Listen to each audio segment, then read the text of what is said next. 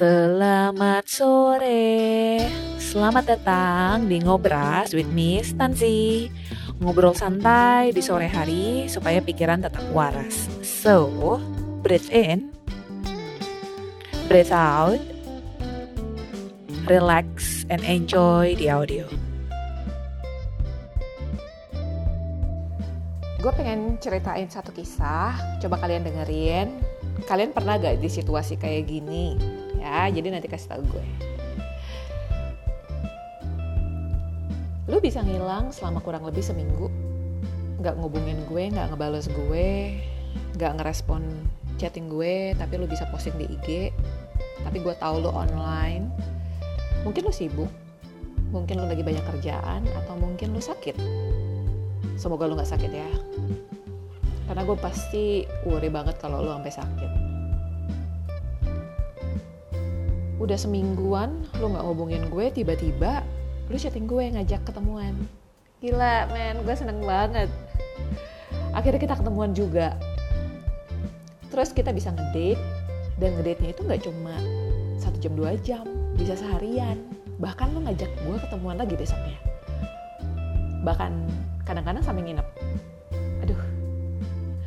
Mungkin gue cuma berpikir jelek aja kali ya kemarin. Gue pikir lo kenapa-napa eh tapi abis date kita yang kemarin kok lo ngilang lagi sih? Kenapa lo gak bisa dihubungin lagi? Why? Sibuk lagi? Sakit? Tapi lo masih aktif di sosial media? Gue tuh sebel banget karena kayak mood gue tuh tergantung dari responnya lu. Saat lu chatting gue gue bakal jadi the happiest girl or guy on earth. Tapi kalau lu nggak bales gue gue tuh bisa kelimpungan mikirin kenapa ya bete gak excited. Kayak mood gue tuh bener-bener dependent sama sama hubungan ini sama responnya lo. Atau ini yang namanya casual relationship. Kita memang sih belum jadian. Kita memang deket cuma nggak eh, gue nggak bisa jelasin sih hubungan kita kayak gimana. Karena lu juga nggak pernah ngomong secara belak belakan status kita apaan. Tapi kalau kayak gini terus gue lama-lama bisa gila deh. Atau ini yang namanya breadcrumbing ya.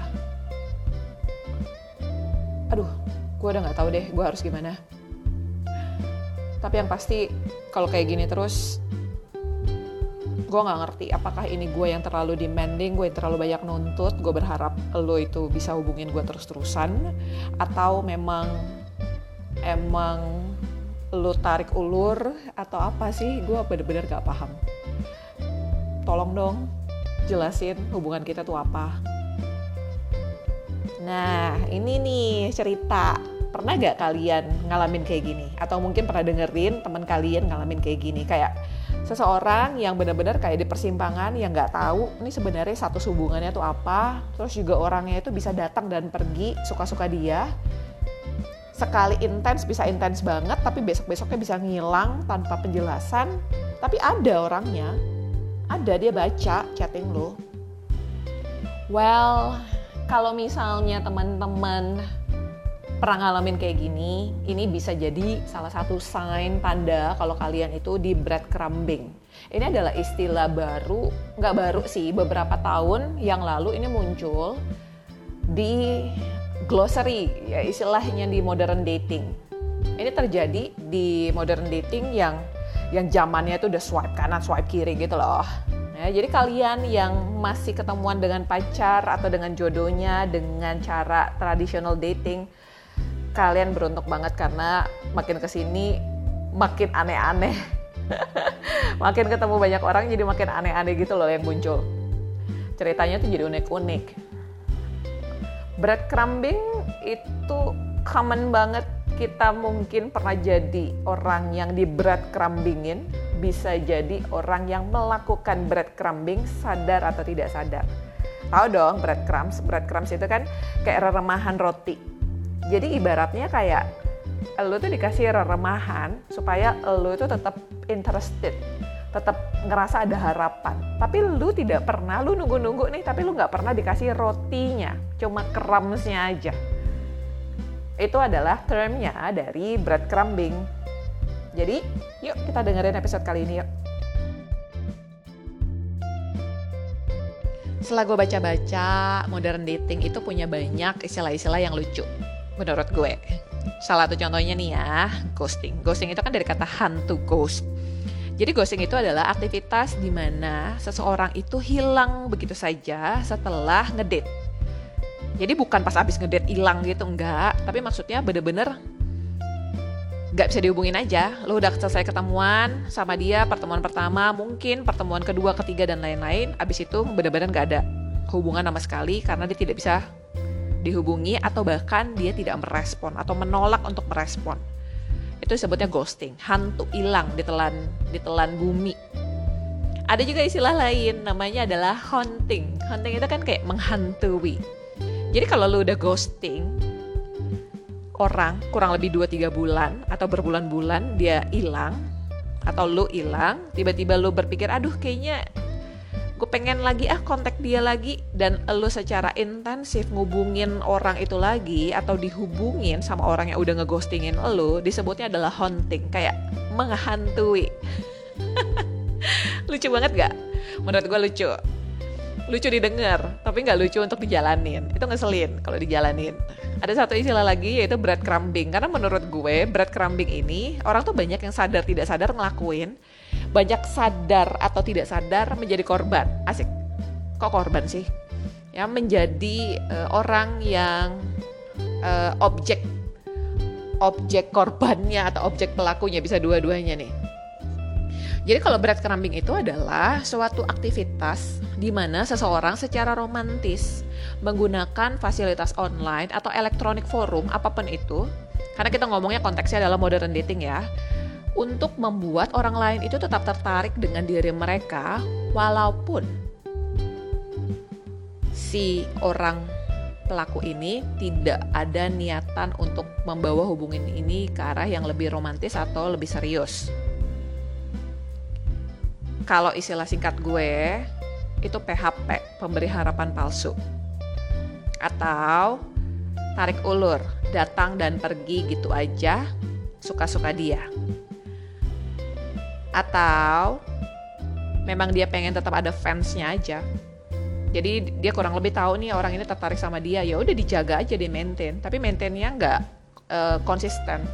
Maintainnya ya suka-suka dia tapi yang penting dikasih harapan aja dikit gitu ya itu adalah istilah breadcrumbing jadi banyak orang yang nggak nyadar sih kalau dia udah ngelakuin breadcrumbing and I, I know why gitu ya itu banyak orang yang suka berkedok kayak ya I'm just being nice aja sih untuk tetap hubungin dia kita kan harus tetap berhubungan baik and bla bla bla well niatan kita itu kita yang tahu jadi nggak bisa orang luar itu langsung ngejudge kalian kalian yang tahu diri kalian dan niatan kalian itu apa.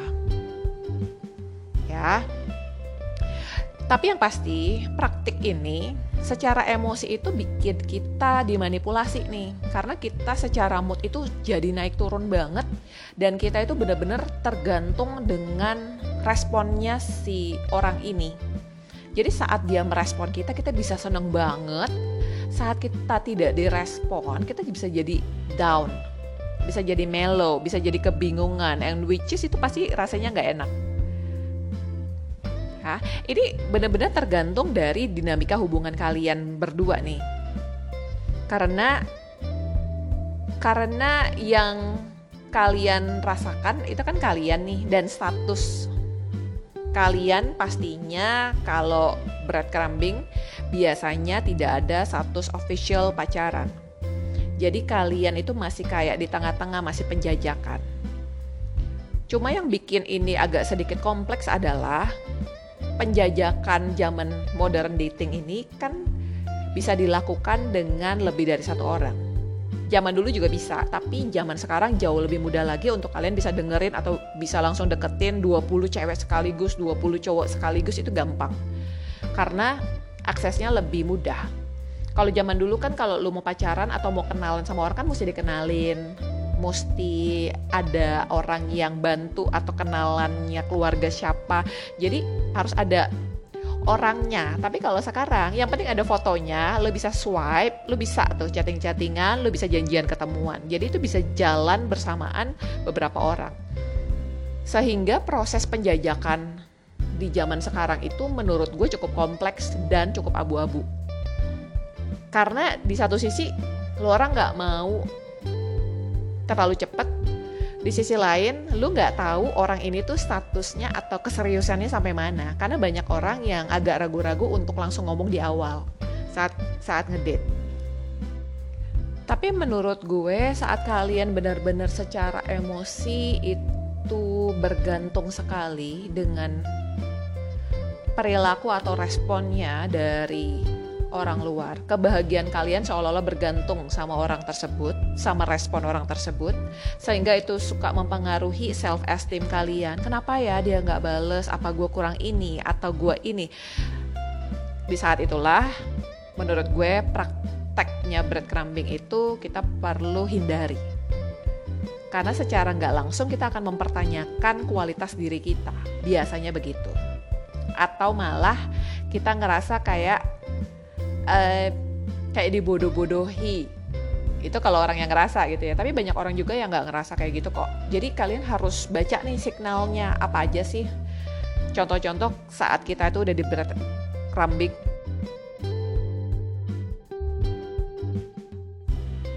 Sekarang gue pengen kasih tahu perilaku breadcrumbing itu contohnya apa aja sih ciri-cirinya ya? Di mana kalian mungkin bisa lebih aware lagi apakah kalian sudah dikasih remahan atau belum untuk mempermudah cerita, anggap saja orang yang melakukan praktek breadcrumbing, gue sebutnya adalah si tukang roti. Oke, okay? karena kan bread ya, roti. Biar gampang aja kalau nggak bingung jelasinnya. Kalau misalnya kalian ngerasa kayaknya dia kurang minat deh untuk investasiin waktunya untuk bareng-bareng gue. Itu bisa jadi sign, salah satu sinyal. Contohnya, si tukang roti bisa nih bikin janji sama kalian dan bisa cancel last minute, bisa cancel seenaknya, bisa bahkan tidak hadir tanpa ngabarin dan mereka tampak sibuk banget buat kalian. Orang itu sibuk, nggak bisa dihubungin, udah janjian tapi cancel karena dia tuh sibuk. Bahkan mereka bisa ngilang absen for periods of time. Jadi bisa ngilang tuh beberapa waktu jadi kalian yang semangat banget untuk ketemuan sama dia, cuma di sisi lain si tukang roti nggak semangat semangat banget nih karena dia mencitrakan diri dia sibuk, terus juga susah dihubungin, bisa cancel sering-sering. Kemudian selanjutnya, kalian itu susah ngebaca mereka. Jadi susah ngebaca dalam arti si tukang roti itu amat sangat tidak konsisten dalam menempatkan diri mereka saat sama kalian. Jadi kadang-kadang dia bisa romantis, kadang-kadang bisa hangat, kadang-kadang bisa dingin, kadang-kadang benar-benar nggak bisa diprediksi, kadang-kadang bisa sporadis gitu ya, bisa hubungin kalian secara intens, nanti besok-besok hilang. Jadi expression of interestnya itu benar-benar kalian nggak bisa baca. Jadi mereka itu bisa orangnya jadi hangat, dingin, dingin, hangat, kayak demam aja naik turun gitu ya. Kemudian mereka juga contohnya mereka itu butuh waktu yang lama untuk merespon message kalian, chattingan kalian. Girls, guys, kalau orang itu kalau menurut gue kalau lo hubungin dia di jam kantor oke okay lah dia nggak bales tapi kalau dia nggak bales lo kayak tiga hari kemudian well well, well, antara chattingan lu memang kurang berfaedah dalam arti emang nggak tahu mau dibalas apa lagi gitu kan sekedar informasi sehingga nggak usah direspon pun tidak apa-apa atau memang dia tidak tertarik. Jadi itu adalah salah satu contohnya. Kemudian salah satu contoh lain adalah misalnya gini kayak kenapa sih gue suka diajakin sama dia di chatting sama dia last minute kan gue nggak bisa nih last minute kayak setengah jam eh ketemuan yuk nanti setengah jam lagi atau 45 menit lagi atau sejam lagi. Yuk janjian yuk. Well for me kalau lu niat untuk ketemuan sama orang lu akan make time. Lu akan buat waktu lu akan bikin waktu lu akan prepare plannya. Kalau last minute menurut gue itu lebih ke apa ya lebih ke kayak kita tuh kayak cadangan kalau misal sama teman kita casual kan kayak oke okay lah nggak apa-apa. Eh kita nonton yuk. Lu bisa gak kosong nggak? Oh nggak. Oke. Okay. Gitu tapi kalau misalnya sama sama orang yang kita punya hubungan yang romantis kita kan akan lebih apalagi kalau lagi masa-masa penjajakan ya kita akan lebih lebih prepare diri kita lebih pengen uh, menyampaikan atau mengekspresikan, merepresentasikan diri kita lebih proper lagi. Kita mau pakai baju apa nih? Kita mau ngapain nih? Beda loh sama temen yang, yuk hangout yuk. Ini beda. Nah saat kalian ngerasa kayak, kok dia sering banget sih ngajakin gue last minute, gue kan lagi pas lagi nggak siap, gue kan lagi pas lagi nggak ini. Well, itu adalah salah satu ciri-ciri, nggak mutlak, tapi bisa jadi ciri-ciri kalau misalnya memang dari awal plan utamanya bukan sama kalian ya. Kalau diomongin ciri-cirinya itu kayaknya dalam banget emang. Ini bukan berpikiran buruk ini adalah kalian membaca ciri-cirinya. Kemudian satu contoh perilaku lagi nih. Kalian suka nggak paham nih sama maksudnya dia tuh apa sama bahasanya dia tuh apa. Bahasanya kadang-kadang bisa flirtatious jadi suka ngegoda-godain kadang-kadang dingin kadang-kadang nggak ada respon. Jadi bener-bener kalian tuh sering dibuat bingung karena perilakunya yang tidak jelas seperti inilah yang bikin kalian penasaran, bikin mood kalian secara dependen tergantung sama responnya dia. Itu adalah salah satu ciri-ciri di mana menurut gue lu tuh kayak udah meletakkan kebahagiaan lu di tangan orang lain. Asik. Ya, itu adalah menurut gue. Jadi awal-awal kasih excitement oke okay lah. Tapi kalau misalnya kalian lebih banyak mudi yang nggak jelasnya gara-gara nggak dibales buat gue itu kayak well kita udah capek banget gak sih untuk untuk membaca sesuatu yang abu-abu? Kenapa nggak kita bikin lebih jelas aja sih?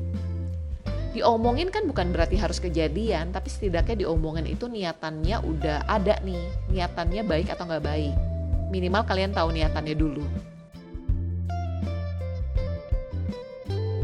Salah satu alasan orang itu suka terjebak melakukan berat crumbing secara tidak sadar adalah orang itu suka berpikir masa iya sih kita kenal tapi kita nggak hubungan, kita nggak kontak-kontakan, masa sih gue harus nggak kontak dia sama sekali? Well, nggak ada yang ngomong seperti itu sih. Lu boleh aja kok berhubungan baik, boleh aja kok merespon foto-foto di IG atau apa. Tapi kita bisa baca sih, harusnya kita bisa baca sebenarnya orang lain itu emotionally invested gak sih sama kita?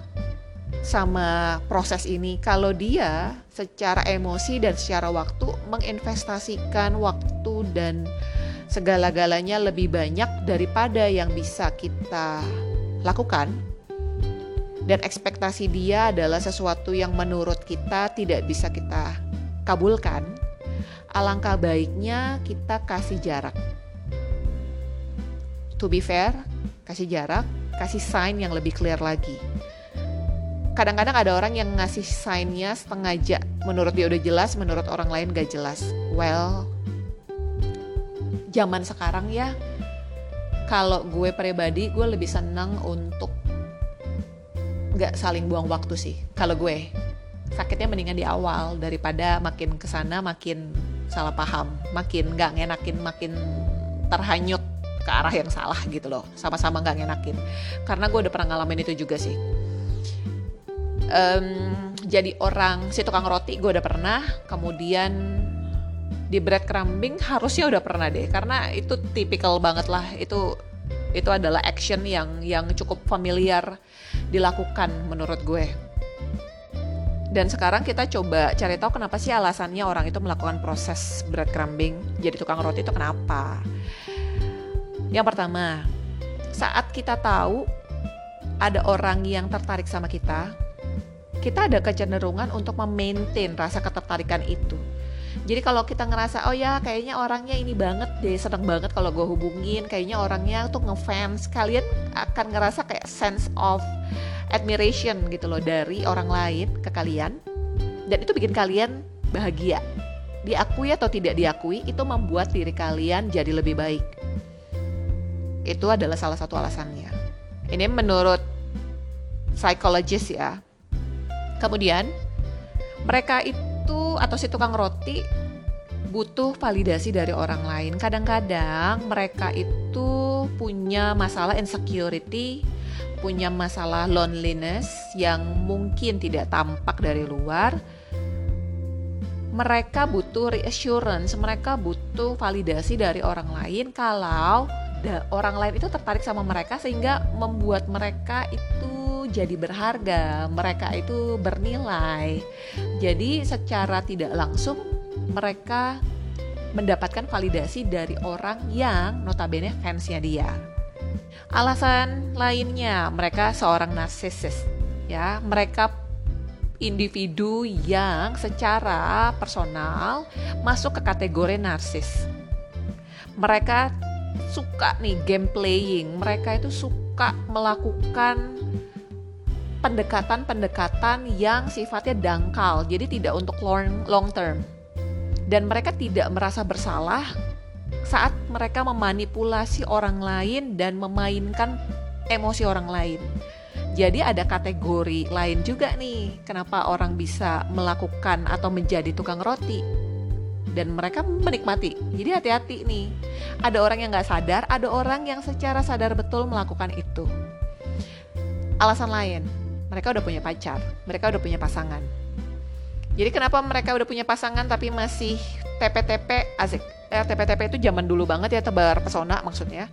Karena mereka ya itu mereka nggak bisa konsisten sama kalian jadi mereka cuma cuma sesekali aja hubungin kalian iseng-iseng cuma kalau misalnya kalian minta keseriusan ya dia nggak bisa kasih itu juga dulu sempet sempet terjadi sih sempat gue dengar dan sempet juga uh, eh, gue rasain saat misalnya saat orang itu sudah punya pacar, mereka akan memprioritaskan pasangannya karena ada tanggung jawab kan. Saat mereka sudah secara official jadi pasangan, pasti ada tanggung jawab, pasti ada komitmen. Sehingga biasanya waktu-waktu prime time buat orang pacaran kayak nonton film aja, prime time itu akan dipakai untuk pasangannya tapi untuk waktu-waktu senggang, lagi nggak ngapa-ngapain nih, aduh lagi bosen, lagi iseng, ah godain si ini deh, ah chatting si ini deh. Mereka akan hubungin kalian. Jadi kalian adalah kayak sisa waktunya dia, iseng-iseng waktunya dia. Jadi kalian itu kayak iseng-iseng berhadiah aja. Ini adalah alasan yang membuat kita menjadi si tukang roti atau kita menjadi korban si tukang roti. Aku pakai korban itu tanda kutip ya. Jadi perilaku seperti ini sebenarnya kita harus lebih aware lagi nih gimana sih cara nyikapinnya dan sorry to say if it sounds very very kejam, menyakitkan, merendahkan, mohon maaf. Karena kita ngerti gak sih saat kalian benar-benar bergantung dengan orang lain kalian tidak tahu apa yang kalian hadapi kalian berharap banyak namun niatan orang tersebut juga rasanya tidak serius kalian harus hati-hati sih. Harus hati-hati.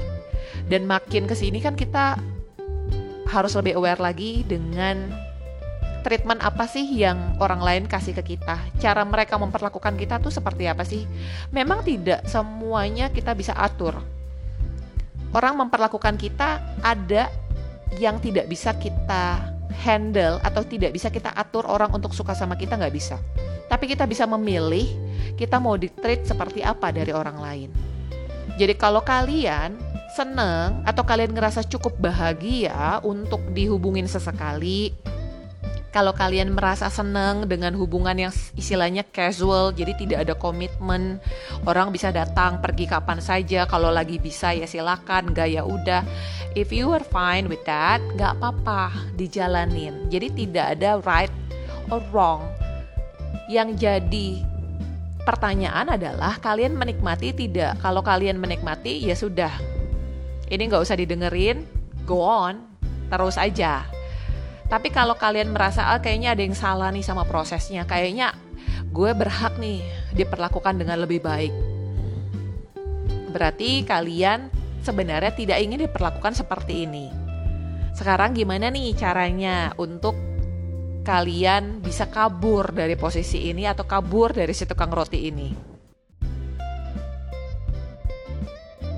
Memang tidak gampang untuk mengekspresikan perasaan kita, terutama saat kita sedang dalam mencari orang yang cocok buat kita. Jadi kalau kalian lagi dating-dating, lagi nyari-nyari, emang nggak gampang kok untuk prosesnya. Jadi banyak area abu-abu antara ngedate beberapa kali nih. Jadi kita baru ketemuan beberapa kali, sampai kalian jadi serius, itu di tengah-tengahnya itu banyak abu-abu. Abu-abu ini yang paling banyak munculin challenges. Nah, dan kita akan ngalamin yang namanya emosi. Macam-macam emosi tuh muncul. Kenapa? Karena prosesnya nggak gampang. Jadi banyak pertanyaan simpel kayak kenapa sih mereka nggak ngomong kalau mereka tuh kangen kalau nggak kenapa sih mereka bilang kangen tapi kok nggak ngubungin gue untuk berminggu-minggu kenapa sih mereka mereka nggak nggak nunjukin kalau mereka peduli tapi kok jealous kalau kita move on sama orang lain kenapa sih mereka kayak bilang mereka suka sama kita cuma kok nggak bisa dihubungin habis itu ngilang. Kayak banyak banget mix signal jadi sinyal-sinyal yang bikin kita bingung. Yang mungkin itu adalah efek dari miskomunikasi. Tapi selain miskomunikasi biasanya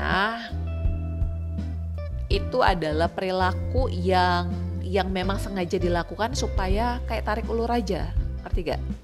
Mereka belum yakin banget sama kita, kita juga belum yakin banget sama dia. Jadinya kita kita bingung sama maunya kita sehingga kita treat orang dengan caranya kita yang kebingungan itu sehingga orang lain yang menangkap sinyalnya pun jadi bingung. Kenapa? Karena kita yang melakukannya sendiri juga bingung.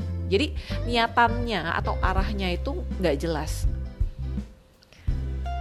Biasanya kalau kita menerima message yang membingungkan itu akan bikin kita kayak insecure. Kayak ketidakjelasan itu bikin kita insecure. Karena kita nggak tahu nih, tidak ada pegangan nih. Kita harus gimana nih? Kita harus serius gak sih sama orang ini? Kita harus stop ngedate gak sih sama orang lain? Atau jadi banyak banget kebingungan-kebingungan yang harus diingat kalau itu bukan salah kalian. Kalau kalian bingung itu bukan salah kalian itu normal. Yang harus kalian lakukan adalah mencari tahu sebenarnya arahnya mau ke mana. Arahnya dulu nih. Nanti ke depan yang nggak nyampe nggak apa-apa. Dan itu harus cukup clear sama diri kalian sendiri dengan orang lain yang kalian temui. Jadi it's very common kalau kalian di tengah-tengah situasi seperti ini. Jadi salah satu praktek breadcrumbing juga itu salah satu gray area menurut gue yang bisa kalian alamin. Jadi nothing to worry much. Kalian cuma perlu tahu how to escape. Kalau kalian udah gak nyaman, kalian harus gimana. Dalam rangka memberikan semangat untuk bangsa Indonesia, Good Day kembali hadir dengan kompetisi Good Day Gaul Creation di tahun ketiganya. Ini adalah kompetisi desain botol dengan tema tahun ini adalah Indonesia Banyak Rasa. Jadi nanti yang akan terpilih adalah empat desain botol terbaik yang akan menjadi desain kemasan botol Good Day yang akan disebarkan di seluruh Indonesia. Kalau tahun lalu kalian sempat lihat botol Good Day sempat berubah, itu adalah hasil dari kompetisi ini. Jadi nanti akan muncul lagi kemasan dengan desainnya yang lucu-lucu pastinya ya. Hadiahnya berapa? Hadiahnya akan diberikan kepada 29 desainer yang menang dengan total hadiah 265 juta. Yang sudah mendaftar ada 28 ribu peserta. Desain yang sudah masuk sampai saat ini ke meja juri itu ada 7 ribu dan sekarang sudah tahap penjurian. Jadi buat teman-teman semua, tungguin kejutan dari Good Day dengan limited edition pack-nya bikin kamu tambah semangat, di rumah banyak rasa, dan tentunya makin positif dan optimis di tengah pandemi. Gimana nih caranya untuk merespon yang namanya breadcrumbing? Atau gimana nih caranya sama si tukang roti harus gimana nih gue? Pertama, kalian harus tahu dulu kalian suka gak diperlakukan seperti itu. Kalian menikmati gak? Tidak dinilai dari satu proses saat kalian ngedate doang. Jangan, karena ngedate itu biasanya kan adrenalin rushnya ada gitu kan. Kalian lagi senang-senangnya. No, tapi keseluruhan polanya dia ke kalian, kalian nikmatin atau enggak kalau itu bikin kalian jadi insecure, jadi mempertanyakan kualitas diri kalian, jadi bertanya-tanya, jadi sulit untuk fokus sama diri kalian sendiri, well, kalian tahu kalau kalian tidak suka diperlakukan seperti itu. Tapi sekali lagi, kalau kalian tidak ada masalah, go on, mungkin cocok. Sebutnya adalah casual, orang datang dan pergi, ya kalian juga itu yang kalian cari, ya nggak apa-apa. Tapi kalau kalian tidak nyaman, berarti kalian bisa langsung ke langkah berikutnya. Langkah berikutnya adalah be direct. Coba deh. Kalau misalnya nih orang sok-sok si tukang roti sok-sok ngetis kalian gitu ya di DM. Misalnya chatting kayak kalian lagi posting apa gitu terus nanti komen kok nggak ngajak-ngajak sih aku mau dong ikut be direct aja tanya aja yuk kapan memang maunya ketemuan SMS aja nggak dibales ya misalnya gitu ya jadi coba aja direct. Kalau misalnya ditodong begitu dia kabur ngeles lagi atau ngasih ketidakjelasan, berarti kita tahu kalau memang orangnya nggak niat. Itu dulu. Nah, jadi jangan sampai kalian ada kayak keharusan untuk, aduh, iya ya kenapa gua nggak ngajak dia ya, misalnya gitu. No, no, no, no. Just be direct, tanya aja sebenarnya dia itu maunya gimana, kemudian jadi dipatahin gitu loh gombal-gombalnya tuh kayak dipatahin gitu. Kayak langsung todong aja emang dia maunya gimana? Terus kalian bisa bilang secara jujur kalau oh gue nggak suka nih kalau lu tuh nggak bales gue. Cuma lu bisa posting di sosial media sehari 10 kali tapi lu baca chatting gue lu nggak bales. Well tanya aja responnya dia gimana. Sibuk oke. Okay, sibuk tapi dia masih hangout sama teman-temannya masih apa jadi kalian tahu nih sebenarnya orang ini tuh prioritasnya apa. Kalau kalian tidak tanya, tidak push, kalian nggak akan tahu. Kalau kalian kayak nggak jelas juga atau bahasanya itu ambigu, bahasanya terlalu halus menurut gue, well, jangan jangan salahin dia kalau dia kayak belut kabur-kabur atau ngeles-ngeles terus, kan? Jadi kalian kan intinya ingin tahu kejelasan. Jadi bertanyalah dengan jelas Kemudian, kalau mereka defensif atau mereka bahkan bikin kalian ngerasa berdosa nih, bersalah. Kok gue kan sibuk, kenapa lu nggak ngertiin? Well, kalian bisa bisa coba ngobrol kok sama dia. Orang sibuk memang sampai seminggu full. Satu chatting pun nggak dibales misalnya. Misalnya ya, hati-hati nih jangan kejebak sama klingi gitu ya. Like kalau orang udah satu minggu bisa dua minggu nggak di nggak ada kabar kayak ditelan bumi ya. Tapi dia sebenarnya ada ya gimana ya, ya you, you know you know how to judge you know what to judge juga. Dan kalian bisa cari informasi kok maksudnya orang ini tuh seperti apa. Jadi cari informasinya dari orang bersangkutan. Kalau misalnya ada yang dikenal ya silakan. Kadang-kadang kan kita juga bisa jadi kita nggak kenal orangnya sebaik itu kan. Jadi lingkungannya pun kalau kita ada akses ya silakan dicari tahu. Not in a creepy way ya tapi yang normal aja. Yang terakhir adalah kalian tentuin deh kalian maunya apa. Kalau kalian se sekenanya kalian udah tahu nih dia orangnya memang nggak arahnya belum untuk serius kalian gimana? Kalian gimana gak usah pikirin orang ini lagi deket sama siapa atau orang ini memang lagi sibuk atau orang ini lagi kadang-kadang kita kayak gitu ya kayak oh ya dia nggak ketemu sama siapa-siapa sih. Jadi kita lebih maklumin nih perilakunya dia saat dia tidak bertemu dengan orang lain menurut kita. Nggak ketemu cewek atau cowok lain. Jadi kita bisa memaklumi perilakunya.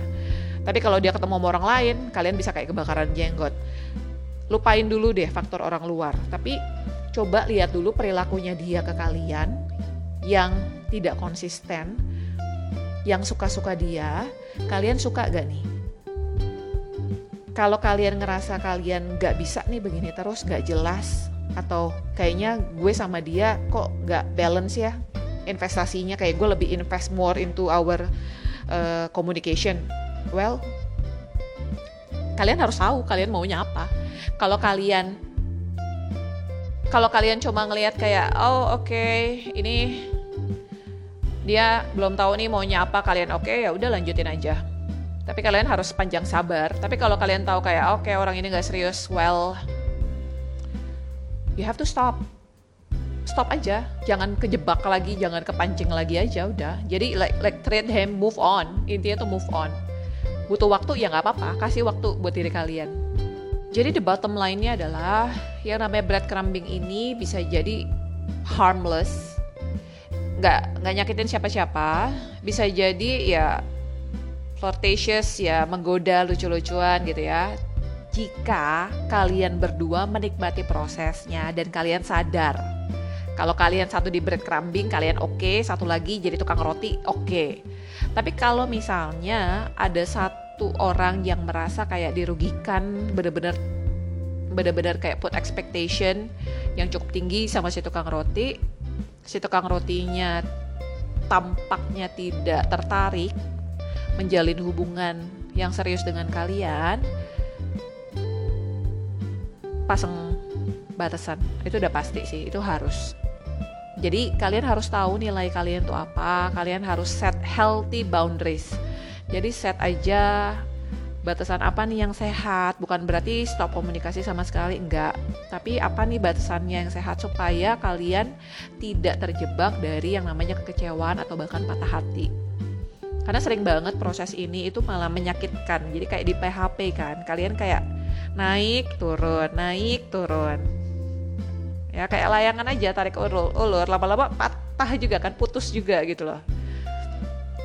Jadi ini simple-simpelan aja sih. So if you have any cases kalian mau nanya, oh I'm more than happy to hear that. Aku pengen dong dengerin cerita breadcrumbing kalian. Apa sih struggle-nya kalian sehingga mungkin di episode lain aku bisa dig in lebih dalam lagi tentang topik ini.